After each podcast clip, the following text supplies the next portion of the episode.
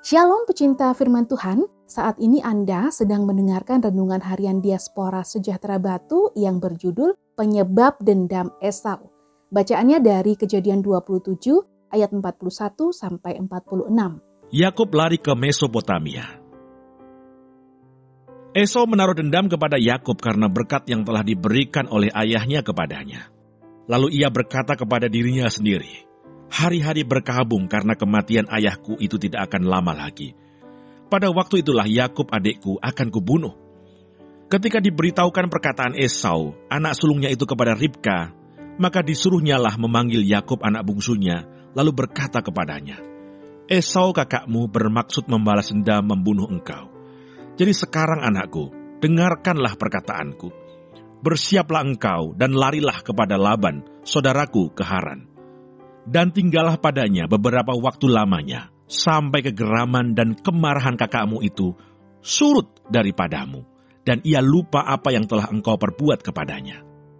Kemudian aku akan menyuruh orang menjemput engkau dari situ. Mengapa aku akan kehilangan kamu berdua pada satu hari juga? Kemudian Ribka berkata kepada Isa, Aku telah jemu hidup karena perempuan-perempuan Het itu Jikalau Yakub juga mengambil seorang istri dari antara perempuan negeri ini, semacam perempuan Het itu, apa gunanya aku hidup lagi?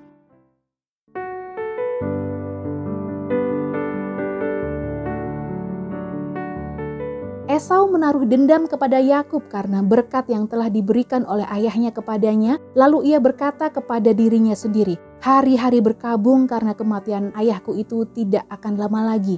Pada waktu itulah Yakub adikku akan kubunuh. Kejadian 27 ayat 41.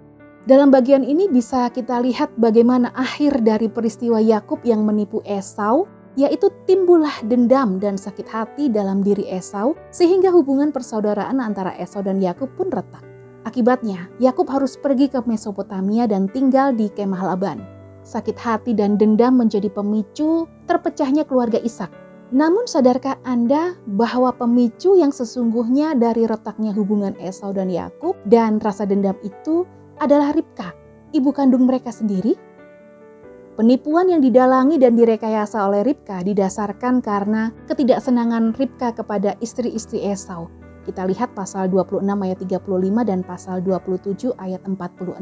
Alkitab memang tidak menjelaskan secara detail bagaimana sikap istri-istri Esau terhadap Ribka dan Ishak. Namun konflik yang terjadi di dalam keluarga Ishak disebabkan karena kehadiran dua menantu Ishak, yakni istri Esau.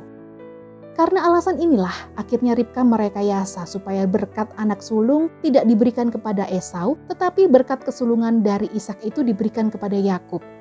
Melalui catatan sejarah ini kita bisa belajar Bagaimana caranya menata kehidupan dalam keluarga yang benar di hadapan Tuhan? Bisa jadi kehadiran orang lain yang memiliki cara berpikir, cara hidup, ataupun kebiasaan yang berbeda akan memunculkan konflik baru. Oleh karena itu, masing-masing pribadi harus memiliki kedewasaan supaya tidak menajamkan konflik, tapi bisa meredam konflik sehingga nama Tuhan dipermuliakan dalam keluarga.